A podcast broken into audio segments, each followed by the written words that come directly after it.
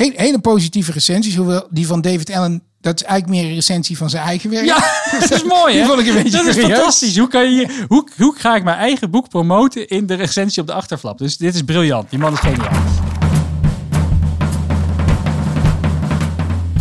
In de wereld van businessboeken zijn er boeken die je gelezen moet hebben. Boeken waar iedereen het over heeft. En boeken die je liever laat liggen.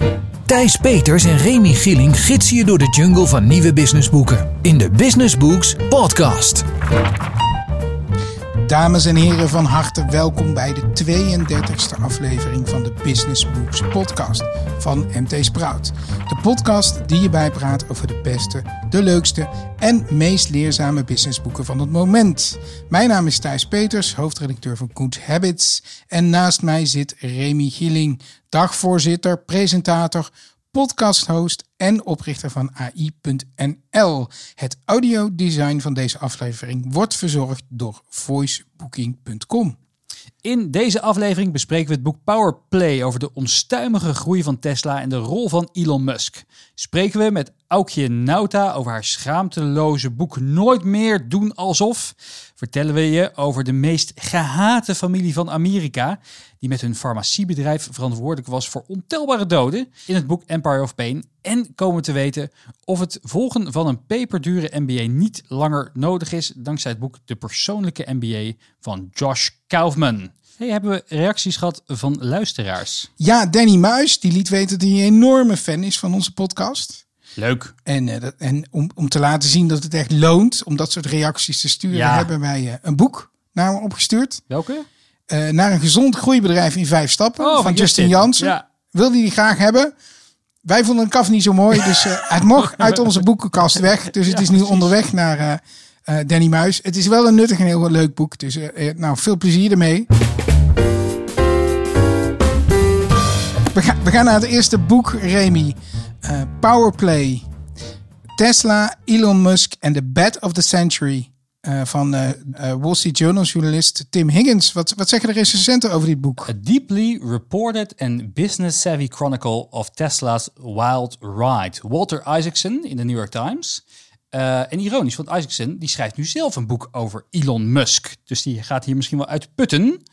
Eh, en een andere was, die is vertaald, een masterclass verhalende journalistiek over het buitengewone verhaal achter Tesla's ontwikkeling tot een, een van, tot een van de meest eh, fascinerende bedrijven van de 21ste eeuw. Bradley Hope, auteur van Billion Dollar Whale. Ja, een van de meest fa- fascinerende boeken van de afgelopen tijd. Zeker. Ik heb meerdere mensen het boek aangeraden. Die hebben hem deze zomer gelezen. Waaronder natuurlijk Hans Jansen. Kijk, Ja, het kan geen podcast voorbij komen eh, zonder dat we hem even noemen. En ook eh Taco, Taco Carlier van Van Moof. Die heeft hem ook gelezen. Was ook erg onder de indruk. hoor, maar er was nog een recensent, hè? Ja, nog eentje. Elon Musk wilde zelf één ding hierover zeggen. Hij zei: Most, but not all, of what you read in this book is nonsense. nou, getekend. Ik, ik had heel graag de auteur van dit boek eh, voor onze podcast gehad, denk Nou, ik. ja, hij had toegezegd, maar toen ging hij op vakantie en toen hebben we niks meer van hem gehoord, ondanks een aantal mails. Hij zal het wel druk hebben, eh, ga- eh, ja, verwacht ik zo. Maar maakt niet uit, we behandelen hem gewoon op deze manier. Een boek. Ja. Het is niet het eerste boek over Musk. Nee, Ashley Vance hè, eh, had eerder een biografie over Musk geschreven. Ging ook over SpaceX en wat er andere grote plannen die hij aan het, be, aan eh, eh, bekokstoven is. Dit gaat echt over Tesla en de begindagen. Zelfs nog voordat Elon Musk erbij betrokken was. En het is ook een stuk kritischer dan het boek van, van, van, van Ashley Vance. En ik denk dat dat ook wel een van de redenen is dat Musk zegt inderdaad van... eh, most but not all is nonsense. Hij is er niet zo blij mee. Maar het is geen nonsens, denk je? Eh, nee, ik, las, een, eh, las een andere recensie van ook een gerenommeerde partij. Ik ben even de naam kwijt, maar een van de grotere media. En die zeiden van, eh, de recensent zei ook van, ja, ik, ik heb ook, zit heel dicht op de materie. En eigenlijk klopt het grote gedeelte wel wat hierin staat. Hè? Want hij wordt net al bekritiseerd dat het veel roddel en achterklap en speculatie is. En deze recensent zei, journalisten ook van, nee, het is, het is grotendeels waar. Een, paar feitjes waar het mee begint, vond ik altijd wel heel grappig, is dat, ja, weet je wat de gemiddelde winst is van een auto? Ik, ik heb wel eens gehoord dat het bij, bij, bij Volkswagen echt een paar honderd euro is voor Ja. een golfje. ja, gemiddelde winst op auto's he- over echt al die, al die eh, wagens eh, genomen is 2800 dollar. Dus het is echt heel laag. Dus die, eh, die, die brute marge is zo laag dat het ook altijd heel, ja, weet je, niemand was gestoord om een automerk te beginnen. De laatste in Amerika was Chrysler in eh, 1925. Ehm, dus het is best wel uniek dat er een, nieuw automerk opstond destijds. Een ander dingetje, vond ik ook leuk, is eh, de, eer, eh, de, de, vrouw van Henry Ford. Die had dus begin 1900 al een elektrische auto. Eh want dat vonden ze handig destijds, want dan hoefde hij niet te schakelen. Dat was mevrouw Ford blij daarmee, denk ik. Ja, nou goed. Zijn Model T heeft toch wel de, hè, de, de, de veet destijds tussen elektrisch en, eh, en de, de, de, de, de petrol eh, beslist, de, de strijd daarin. En, en eh, wat, is eigenlijk, is, even een zijpaadje, maar waarom is die elektrische auto toen niet doorgebroken? Is dat... Ja, de- een van de dingen was dus dat, dat, dat ze erachter kwamen dat, dat, dat die benzine wel heel interessant was. Kon je, kon, je, kon je veel verder mee en was veel makkelijker te verkrijgbaar, want die batterijen deden natuurlijk echt maar een paar kilometer eh, destijds. Ehm, later is ook een documentaire over gemaakt, Who Killed the Electric Car. Later heeft, heeft eh, Ford het ook nog een keer geprobeerd. eh, in een later stadium van het bestaan, ergens jaren 80, jaren 90 is toen ook heel veel lobby geweest, schijnbaar, van de, van de, van de, van de, van de, van de olieindustrie om dat tegen te gaan, wordt gezegd. En ja, eh, inmiddels is het, het is vooral batterijtechnologie natuurlijk. Ah, oké. Ja, Ja. ja. Ja, dat, maakt, dat maakt tegenwoordig wel heel veel verschil. En dat boek dat gaat dus over, ook over de beginjaren. Eh, Martin Eberhard was eigenlijk ja, Mr. Tesla, eh, zou je maar zeggen. Die had eigenlijk een idee en die wilde dat een beetje gaan ontwikkelen. Hij heeft uiteindelijk via allemaal omwegen eh, Elon Musk aan boord gehaald. Die had toen eh, ook wel wat gecashed met, eh, met, zijn, met de exit van, van PayPal. Vond het wel, vond dit wel gaaf. En ehm, ja, dit boek is eigenlijk een aaneenreiging van gebeurtenissen waar het blijkt dat Tesla 100 miljoen miljard keer op het randje van de af, afgrond heeft gestaan. Maar door enerzijds veel geluk en anderzijds ja, dat knotsgekke brein van ja, toch al vooral Musk het weer ja, een of andere uitweg heeft gevonden. En wa- wa- wat zijn dan een paar van die briljante saves van, eh, van Musk? Ja, ik, het, is, het, is, prachtig. Op een gegeven moment eh, ehm, eh, komt hij volgens mij erachter dat, dat, eh, dat de baas van Toyota eh, eh, in de buurt is. Eh, Toyota, de familie Toyota is dat. En eh, eh, hij, hij ritselt daar op een of andere manier een afspraak mee.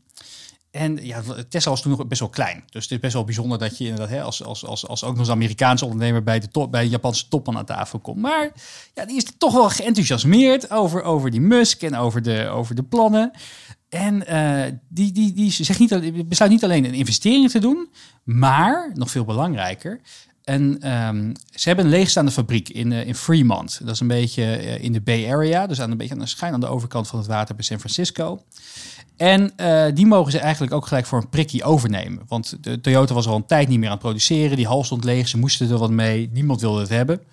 Ehm, maar Tesla kon daar gewoon heel goed, eh, goed heeft, heeft, dat heeft echt de boost gegeven aan het productieproces van Tesla. Want om normaal gesproken alleen al een paintshop te maken, eh, zou 500 miljoen dollar hebben gekost. Nou, dat had Tesla absoluut niet op dat moment. Eh, maar degene die daar was, die, eh, die, die- ja, het was een beetje verouderd, maar die kon ze dus voor opknappen voor 25 miljoen. Ja, andere dingetjes zijn is dat, dat hij op een gegeven moment heeft hij het bedrijf schijnbaar aangeboden aan Larry Page van Google voor 11 miljard. Nou, die had toch wat andere dingetjes aan zijn hoofd. En hier komen, hier, dit is wel een beetje rol en achterklap. Hij zou op een gegeven moment eh, een gesprek hebben gehad met, met, met, met, met Tim Cook van Apple. En die wilde hij ook dan Tesla aanverkopen. Nou, Tim Cook wilde best wel even naar luisteren ook. En zei, ja, maar de enige voorwaarde is, ik word CEO. Van Apple. Nou ja, dus Cook antwoordde inderdaad van, eh, van nee, natuurlijk mag je CEO van Tesla blijven. Hij zei, nee, van, van Apple. en toen zei Tim Cook hebben gezegd, fuck you. Ja, of dat is, is gebeurd. Ze ontkennen beide. Ja, Ze zeiden zelfs van, we hebben elkaar nog nooit gesproken. Nou, eh dat zaten lijkt ze- mij toch klein, die die kans. kans lijkt me klein, want er is gewoon een foto bekend dat ze aan tafel zitten bij Donald Trump. zitten ze gewoon naast elkaar. dat is misschien een beetje, dat is misschien eh, wat te ver gezocht. Maar ja, of, of die nou echt het bedrijf te koop hebben ge- eh, heeft geboden aan Apple en of die inderdaad daar eh, eh, de CEO wil door, ik vraag het me af. Ik denk dat we het een keer moeten vragen als hij weer wat te veel gerookt heeft. Ja, voor, voor wie is dit boek? Ja, het is dus echt voor die musketeers, die mensen die echt alles willen weten van Tesla. Eh, en ja, Musk komt niet altijd positief vanaf. Daar moet je gewoon even doorheen kijken, weet je wel. Zelfs de grootste fans snappen dat die man wat, eh, niet onfeilbaar is. Maar het is hetzelfde Ehm, toch met Steve Jobs. Die was ook een beetje gek, een beetje vrede man af en toe naar zijn dochter. Ja, maar- nou, hij- deze man, weet je, Musk is ook hartstikke vreed. Ook naar, naar, naar, die, naar die eh, hij, hij neemt inderdaad, hij is continu, eh, zijn personeel is hij echt een tiran tegen eh, in sommige gevallen. Eh, je wordt ontslagen bij het minste of geringste. Op een gegeven moment, eh, eh, mensen gaan er ook echt gewoon weg met totale burn-outs. En ook zelfs tegen, die, tegen zijn compagnon, die heeft opgericht, dus die Eberhard. Op een gegeven moment zegt hij tegen hem van, nou ja, weet je, jouw rol is wel een beetje uitgespeeld hier. Je krijgt eh 100.000 piek mee. Je hebt de optie om wat aandelen te kopen. En je krijgt een, een, eh, zo'n en je hebt tot het einde van de dag om te beslissen. En anders krijg je helemaal niks. Ja, klinkt ook een beetje als Steve Jobs. hè. Klinkt heel er, erg als Steve Jobs. En sterker nog, dan, dan, dan, dan komen de eerste roadsters rollen van de band. En hij zou dan de eerste krijgen. En dan krijgt hij een telefoontje. En dan zeggen ze, ja, sorry, hij is gecrashed. Fijn. Die Heeft hij wel aandelen gehad, die beste man? Hij heeft nog steeds, ja, hij heeft tot, tot Oh. de dag van vandaag heeft hij nou, heeft dan is die, hij is die uiteindelijk toch niet zo heel zielig. Want eh, Nee, maar het is natuurlijk toch wel een beetje sneu. Hè? Als je, Ja. als je, hij, is, hij is mister. Hij, hij had, kindje. hij had van, van zijn vrouw had hij een heel mooi, heel leuk had hij een, een, had, had hij een, eh, een, een bordje gekregen, een, een, zo'n numberplate met Mr. Tesla erop. Had ze gekocht. eh, dat kan je in Amerika, zelf die numberplate samenstellen. En hij had geen Tesla om het op te plakken. Nou, dat is wel een beetje sneu. Wanneer Ja. moet je dit lezen? Nou, het is best een eenvoudig boek. Vraagt niet veel denkwerk. Dus gewoon lekker s'avonds in de tuin als het een beetje lekker weer is of op de bank. Eh, of natuurlijk als je Tesla je op autopilot over de weg cruist, kan je het boek een beetje meekrijgen. Cadeautje verkopen? Nou, je hebt echt mensen die sowieso ook een grote Tesla-fans zijn. Dus een leuk cadeautje om te geven. Eh, en ja, de, echt de grootste anekdotes uit het boek, de belangrijkste, die kan je ook gewoon ja, hier horen of lezen op uh, recensie op het internet.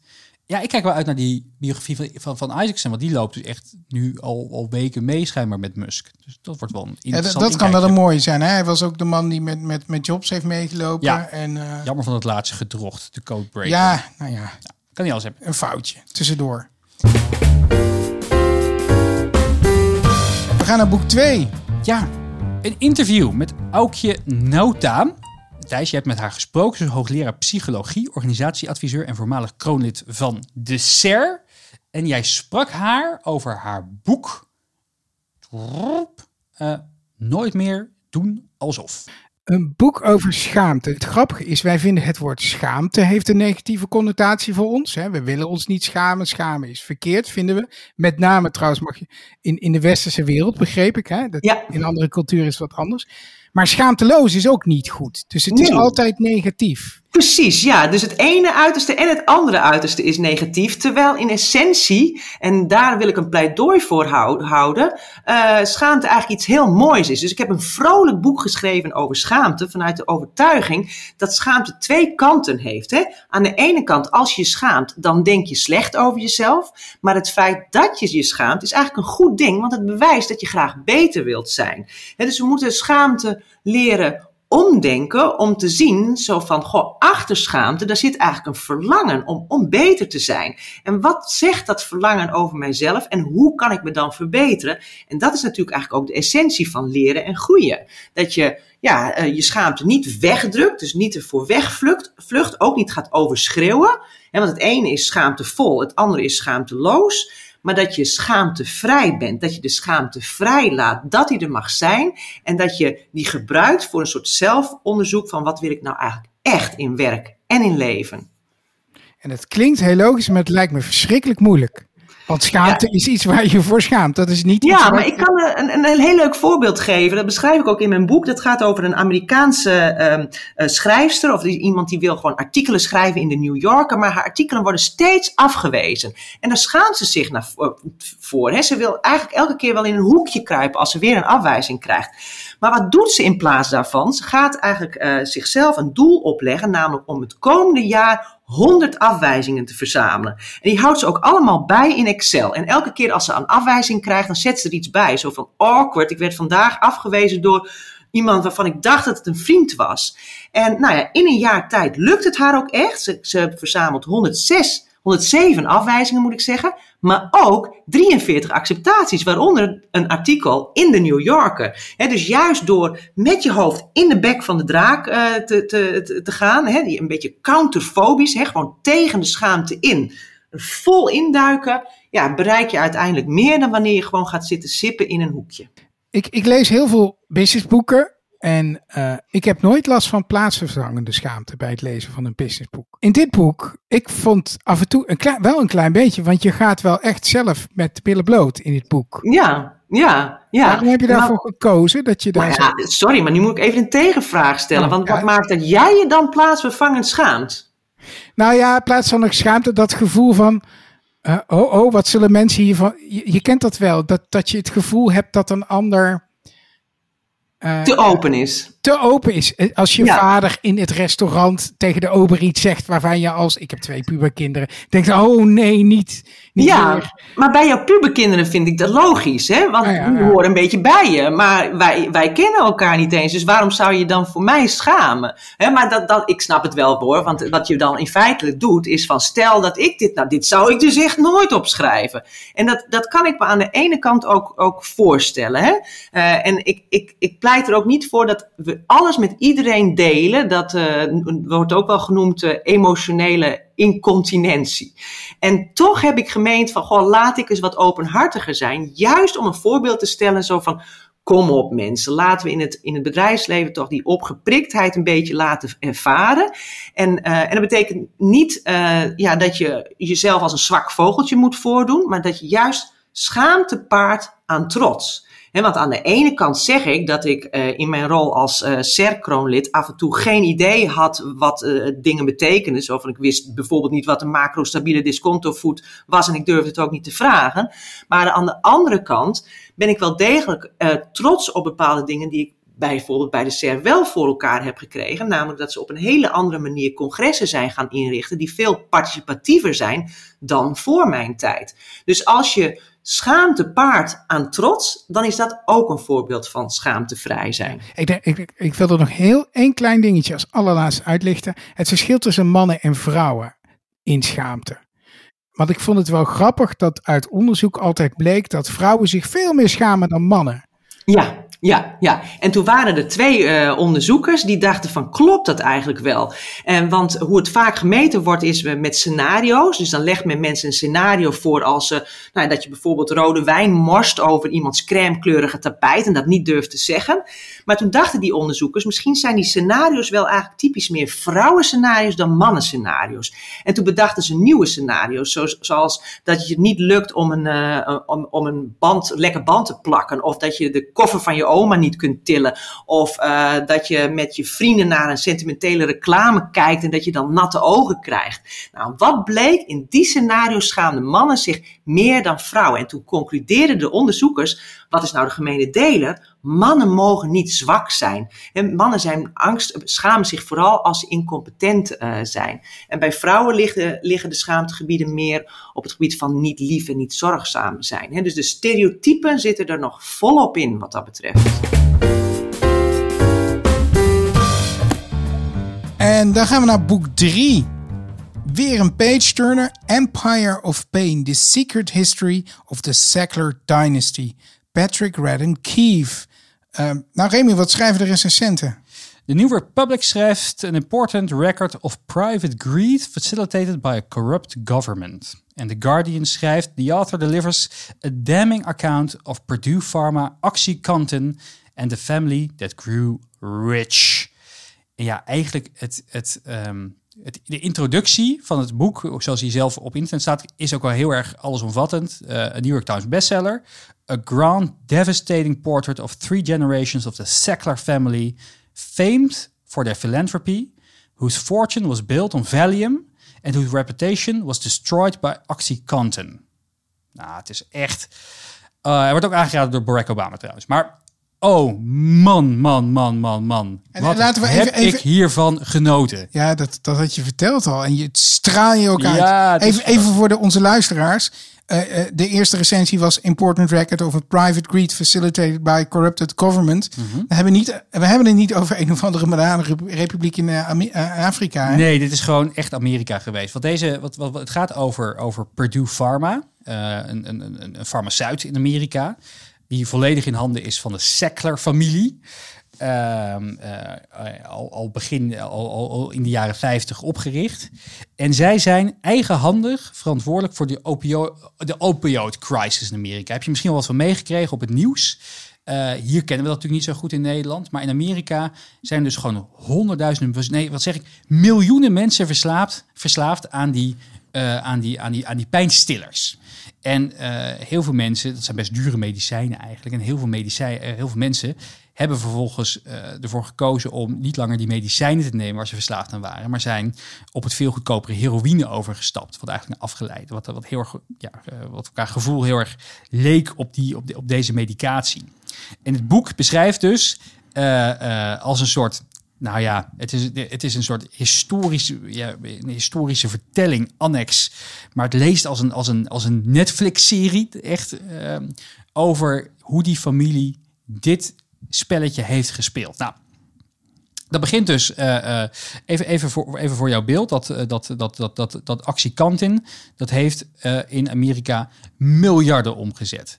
Het, heeft, het, was, het, het, het, het, het, het, was, het leverde meer op dan het, dan, dan het andere populaire medicijn van die tijd, uh, Viagra. Het was dus gewoon, het was, het was lucratiever dan uh, Viagra. Nou, dat was best al big, big, ja. business, ja. En het begint dus bij Ar Arthur Sackler. Dat is eigenlijk de, de aanstichter van dit geheel.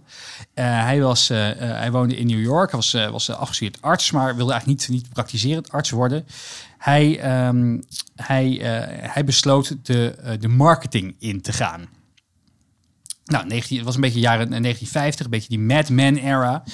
En uh, hij dacht van, nou weet je, de, de, de, ja, medicatie werd steeds populairder. Maar uh, hij dacht van, ik kan, ik kan dat wel aan de man brengen. En een van de bedrijfjes die toen een beetje aan het opkomen was... en een van start-ups het kunnen noemen, was Pfizer. en hij zei tegen Pfizer, nou, jullie hebben een, een, een medicijn. Ik ga dat medicijn groot maken voor jullie. Nou, wat deed hij? Hij ging allemaal ja, pagina grote advertenties inkopen in dagbladen, in medische tijdschriften. Hij bedacht een systeem van sales representatives, waar dan uh, allemaal ja, uh, jonge jongens en meisjes bij artsen langs gingen. Uh, zonder medische achtergrond, om, om allemaal medicatie aan te prijzen. Van, hè, en, en, en allemaal slimme hè, commissiesystemen. Als jij nou dat medicijn aan de man brengt bij, jou, bij jouw klanten en je doet, je doet er zoveel, dan krijg je een mooi reisje en dan krijg je misschien wat bonussen. Die, die, die, die markt is er nog steeds, hè? Bestaat nog steeds. Hij heeft het uitgevonden. Hij heeft het uitgevonden. Dit Kijk. is de grondlegger van die verdomde marketing. Van die fijne snoepreisjes ja. die sommige artsen krijgen. Ja, ja, ja. De Arthur Sackler. Um, hij, bedacht de advertorials. Hij, hij liet, uh, zelfs op een gegeven moment bedacht hij, uh, heeft hij, heeft hij hè, dan had je, had hij zijn advertentie en dan zag je allemaal artsen die het hadden aanbevolen. Met naam en toename en, het, en, en, het, en, en waar ze dan werkten. Toen op een gegeven moment zijn mensen die, die, die, die arts gaan benaderen, die bleken gewoon helemaal niet te bestaan. dus hij, hij, was ook een beetje op het randje van, van, uh, van, uh, van, van wat eerlijk was. En om even, even, even een beetje een beeld te schetsen. Pfizer destijds, die had een sales team van acht mensen. In een, in een jaar zijn die naar 300 gegaan. En in twee jaar of zo naar 2000 salesmensen. Op een gegeven moment dacht die Arthur ook nog van, nou ja, ik kan elke keer wel die, die advertenties gaan inkopen bij anderen. Maar misschien is het handiger als ik gewoon zelf een paar medische tijdschriften start. Dus heeft hij onder een andere naam heeft hij een uitgeverij begonnen om medische tijdschriften te maken. En op een gegeven moment, zo slim was hij, uh, uh, heeft hij dus ook nog eens, uh, ja, hij, hij werkte voor Pfizer en zo. En kon niet echt voor concurrenten werken. Dat zou een beetje raar zijn. Dus heeft hij een, een ander marketingbedrijf gestart, wat hij op naam van een vriend zette, waar hij zelf stille meerderheidsaandeelhouder was, om voor de concurrenten te werken. Nou, dat ging een tijdje door. Um, tot op een gegeven moment, uh, en, het waren allemaal vrij onschuldige medicatie, weet je wel. Uh, dit waren zalfjes met een beetje, met, met, wat, met, met, met wat antibiotica erin. Maar op een gegeven moment kwamen bedrijven zoals Roche, die, uh, die kwamen van, van die, die, die, die, die hadden een soort van mild tranquilizers uitgevonden. Het was gewoon fijn, weet je wel, als mensen dan zich niet helemaal lekker in de vel voelden. Nou, een beetje een mild tranquilizertje. Uh, en dan, dan, dan voelde je weer even lekker. Nou, die werd hartstikke populair. De party drug in Hollywood. Um, op een gegeven moment bedenken ze Valium. Nou, 20 miljoen Amerikanen die, die, die aan de Valium zaten. En Sackler, die had dus als, als, als, de, als, het, als het marketinggenie afgesproken... dat hij een deel van de omzet krijgt. Die werd schat hemeltje rijk. Nou, ja goed, we lullen alweer veel te lang over dit boek. En we zijn nog pas echt op de helft. Want nu begint het grote spel pas. Deze beste man heeft al in de jaren 50 ergens voor zijn broers dus een heel klein farmabedrijfje gekocht. Perdue Pharma. Uh, ja, een beetje zijn broers hadden geen werk. Die dacht van, nou, ga, ga, ga hier maar een beetje mee spelen. Nou, dat bedrijf is betrekkelijk succesvol met allemaal kleine, simpele medicijntjes. Een beetje antibiotica dingetjes. Maar um, uiteindelijk, dus vele jaren later, deze man is dan ook al overleden, eh, komen die twee broers op eh, het middel. Eh, een soort afgeleide van morfine. En het is echt extreem eh, eh, populair. Alleen het probleem was wel met morfine-achtige dingen, is dat, het heel verslavend was. Eh, dus het werd door artsen liever niet eh, uitgeschreven. Alleen hierbij hadden ze allemaal ja, eigen onderzoeken laten doen dat het middel totaal niet verslavend zou zijn. Daar wordt, al goed over geschreven in allerlei medical journals die uiteindelijk van hunzelf bleken te zijn. Veelal dat het dus niet eh, verslavend was. Dus artsen dachten, nou oké, dan zal het inderdaad wel meevallen. Dan kunnen we dit prima uitschrijven voor allerlei, allerhande klachten. Nou, je raadt het al, eh, dit middel is extreem verslavend. En wat ze dus deden, eh, eh, want de winstmarge was heel erg hoog. En ze dachten van, hoe kunnen we, het, hoe kunnen we er nog een beetje wat extra uitpersen? Is dat ze dus steeds hogere doseringen gingen, gingen, maken. Dus eerst was het 20 milligram, toen werd het eh, 40, toen werd het 80. Uiteindelijk waren de pillen van 160 milligram. Nou, ongeveer voldoende om een paard mee, mee om te leggen. Maar ja, voor die mensen die dus eh, dit steeds wilden gebruiken, omdat je ook van resistentie er tegen kreeg en steeds meer moest nemen om het effect te krijgen, eh, was, dat, eh, was dat wel aantrekkelijk. Dus dat, dat middel werd op een gegeven moment ook echt in, de, in, de- in, de, zwarte handel ging dat, ging dat rond. Nou ja, ehm, ja, pijnlijk. Maar ze zijn een keer gestopt, hè, uiteindelijk. Niet dat de opiatencrisis over is in Amerika. Nee, nou ja, dat is een beetje de, de eh, oh how the mighty fall. Eh, meer ja, het net sluiten om dat bedrijf. Er wordt ook wel steeds geroepen binnen dat bedrijf van, de, van jongen, we moeten andere medicijnen gaan maken. Dit, dit kan zo niet langer. Maar die, ja, die, die, die, die aandeelhouders, die familie, die zijn zo, zo, zo, zo, zo, zo, zo, zo gefascineerd op die, op die monsterwinst, op die monsterrendement wat, wat dit medicijn heeft. Ze willen niks anders meer ontwikkelen.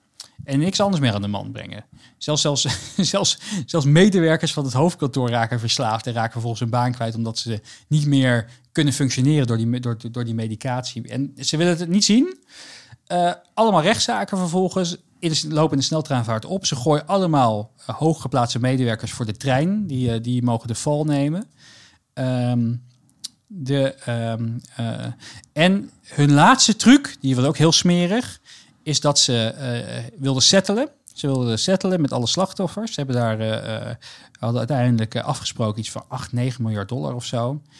Komt gro is groot in het nieuws geweest, hè? De sector van Ja. die, settled.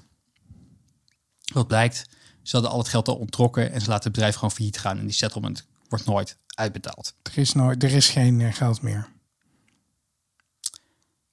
Triest. Voor wie, Oh. is, voor wie is dit boek? Nou, iedereen die smult van geschiedenis, een beetje business en dus ja, die historische dramaseries op Netflix. Als je van als je The Crown mixt met business, dan heb je dit boek. Dan heb je dit. Wanneer moet je dit lezen? Ja, het is een vakantieboek. Je moet wel bij de les blijven met al die namen en organisaties en gezinsleden die voorbij komen. Dus als je weggaat, zou ik dit, deze echt in de tas doen. Cadeautje verkopen? Nou, leuk voor de anesthesist in de familie. Uh, nee, niemand snapt waar je mee aankomt hiermee. Dus ik zou gewoon lekker voor jezelf kopen. En dan aan al je vrienden aanbevelen. Tot slot het vierde boek, de persoonlijke MBA. Thijs, wat zeggen de recensenten? Dit boek moet op de plank. Geen excuses. Seth Godin, schrijver van onder andere Purple Cow.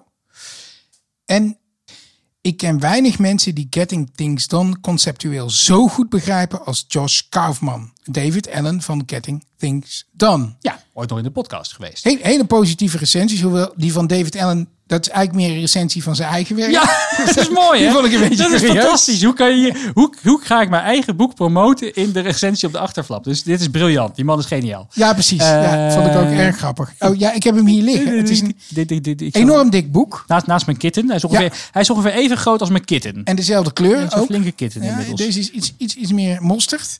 Het is een enorm boekwerk. Ik had de beste meneer Kaufman geïnterviewd. uh, maar ik was niet helemaal tevreden over de file. Uh, maar ik wil het toch eventjes bespreken. Want het is wel een, het is heel, een boek wat heel goed verkoopt in Amerika. Echt? En uh, het is nu vertaald door bij... En het komt uit nu Business? bij Lefboeken. Oh ja, Lefboeken, ja. En nou ja, wat is het voor een boek? Deze Ja. meneer Kauf, Kaufman is wel een opmerkelijk man. Hij ging op een gegeven moment bij Procter Gamble werken. En eh, groeide vrij snel, hoge marketingposities. Maar wat hij niet deed, wat iedereen bij een Procter Gamble of een Unilever of waar je dan ook terechtkomt. eh als je van een Ivy League of wat voor universiteit komt, dan ga je een MBA doen. Maar meneer Kaufman is een beetje eigen van zijn man. Die zegt, nee, ik, ik eh, MBA, volgens, ik geloof er niet in. Ik ga wel boeken lezen. Ik ga mezelf wel op, opleiden. En hij heeft dus een boek geschreven met alle kennis die hij in de loop van de jaren heeft verzameld.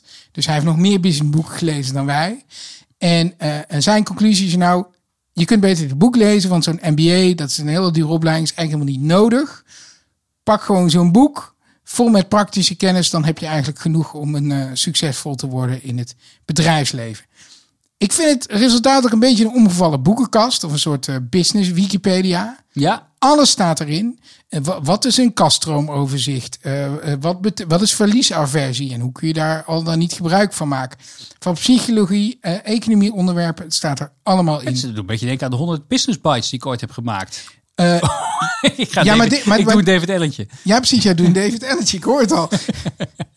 maar eh, eh, dat he- misschien heeft hij het boek wel gelezen en heel goed begrepen. Ja. Nou, ik, eh, ja, hij schrijft het allemaal op en eh, het zijn hier en daar goede voorbeelden. Het is wel redelijk goed uitgelegd, maar maakt het het MBA overbodig? Want dat is zijn grote, grote ding. Ja. Eh, ja, want alles wat je daar leert staat er ongeveer wel in. Dat is ook niet zo gek met zoveel pagina's.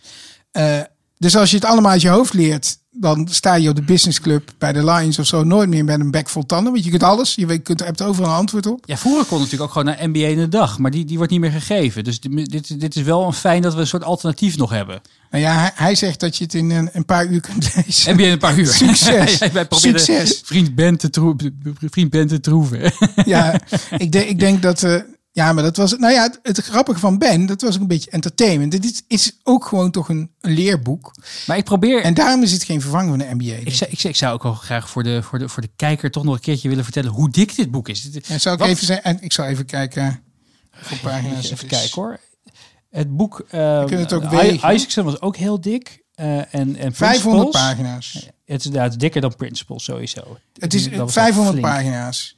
En Jeetje, dus, dus je kan je voorstellen dat er heel veel in staat. En de man, de man heeft echt wel verstand van zaken. Hij is een autodidact op businessgebied, maar wel een eh, eentje ook die een heel uitgebreid notenapparaat erin heeft gekwakt. Eh, dus dat heeft hij allemaal heel goed gedaan. Maar maakt het een MBA overbodig? Nee, want volgens mij is leren uit een boek. En eh, ik heb tegenwoordig verstand van leren, zoals je weet. Een beetje eendimensionaal. Eh, een MBO-opleiding, de kracht ervan is dat je ook verwerkingsopdrachten doet. Discussieert met je studenten. Doe je, doe je nu een, een, een, David Ellentje voor Good Ik doe Habits? een David die wel goed habits. Dus eh, geen MBA meer doen. mag. Nou, als, als ik de kans zou krijgen bij een bedrijf en het wordt je aangeboden, zou ik het nog steeds doen. Ja. Lees alleen even Ka Kaufmans boek, dan hoef je wat minder op te letten tijdens college. Ja, voor wie, voor wie is dit boek dus eigenlijk, kortom? Ja, voor iedereen die het gevoel heeft dat hij meer van bedrijfskunde moet of wil weten, maar niet het geld of de tijd heeft of wil maken om een MBA te doen, NBA is ook al een beetje, beetje uit de mode, is een toch? beetje uit de mode Ja, ook. Hè? ja. Het is ook wel handig voor ondernemers. Ja, misschien is dat wel handig. Ja. Weet je wel? Je moet toch veel, veel ondernemers, weet je, gaan toch uit de praktijk starten en missen soms toch een klein beetje wat, wat, wat, wat business onderlegging. Hebben natuurlijk geen zin om zo'n hele opleiding te gaan doen, logischerwijs. Dus misschien is het daarvoor. Ehm, wanneer moet je het lezen? Nou ja, precies. Dat vind ik wel grappig dat je dat zegt. Want ik, ik heb het al een paar keer als naslagwerk gebruikt. Oh ja. Want dit is natuurlijk, als onder, ik ben nou, nou geen ondernemer meer, maar stel dat je een consultant inhuurt en die begint over eh, bepaalde moeilijke financiële termen of, of marketingtermen. En dan kun je er even bladeren en denken, oh ja, dat was het. En dan kun je meepraten met die consultant. Dus het- gebruik het als na, naslagwerk. Of, of als je het echt tot je wil nemen, stukje bij stukje, denk ik. Hoofdstukje per dag. Of eh, neem gewoon een eh, Good Habits abonnementje. Ja, maar dat is, eh, dat is echt eh, different is zoals different, different kind of cookie. Wij, wij zijn er voor allemaal, voor alle mensen. Niet alleen de mensen die een MBA willen doen. Niet alleen voor die saaie losers. Grapje, grapje beste luisteraars. Cadeautje verkopen? Kopen, want je geeft iemand geen studieboek cadeau. Toch? Nee, dat is waar. Of, ja, of je moet wel een heel erg hekel aan die persoon hebben. Nou, misschien. Het is, het is dus best een bruikbaar, heel nuttig boek, wil ik, wil ik eigenlijk zeggen. Hè? Maar Ja, het ja. ontspoort een beetje dit gesprek, Remy. Eh, tips from around the web. Remy. Nou Thijs, begin jij maar. Want ik zoek ondertussen even mijn tip from around the web. Ja, Eh, dus jij moet nog even gaan eh, surfen op het interweb. Of interweb. Op dit moment is de Theranos trial bezig. Goed hè? Bad Blood, Zo het fijn. boek, het boek eh, hebben wij besproken twee jaar geleden Ja. over Elizabeth Holmes en haar verschrikkelijke eh nepbedrijf eh, dat nou ja, verschrikkelijke claims deed. Dat allemaal hoge heren in, in, in Washington om haar vinger had gewonden. En het bleek één grote farce. Ja, ze had, ze had een machine ontwikkeld, zei Ja, ze. één druppel bloed kon je, alle, heel- alle ziektes. Ja, alle ontdekken. ziektes. zei, Ja. Nou, dat bleek dus één grote scam. Eh, nu is die rechtszaak. Dat boek is geweldig. Wat je ook kunt doen is even bij HBO eh, de documentaire kijken. The Inventor.